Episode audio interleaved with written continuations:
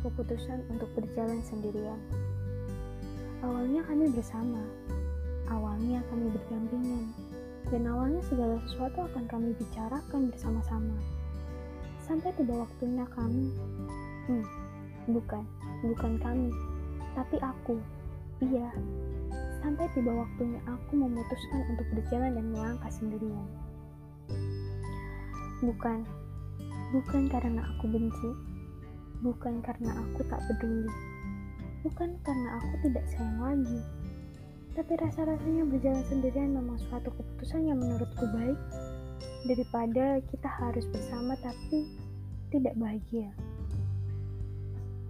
Aku tahu dalam mengambil semua keputusan ini aku memerlukan proses dan waktu yang panjang. Butuh ratusan, ribuan, bahkan jutaan alasan untuk meyakinkan bahwa keputusan yang akan aku ambil ini memang keputusan yang terbaik dan keputusan yang tepat. Sejujurnya aku hanya ingin bertumbuh, dan mungkin hal itu tidak bisa aku lakukan juga dengannya. Aku menyayangimu, tapi mungkin waktu dan segala tujuan yang aku punya tidak pernah memihak padamu.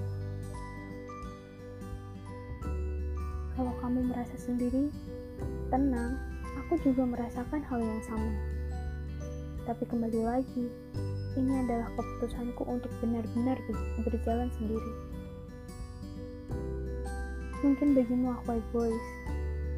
Ya, mungkin hal itu benar.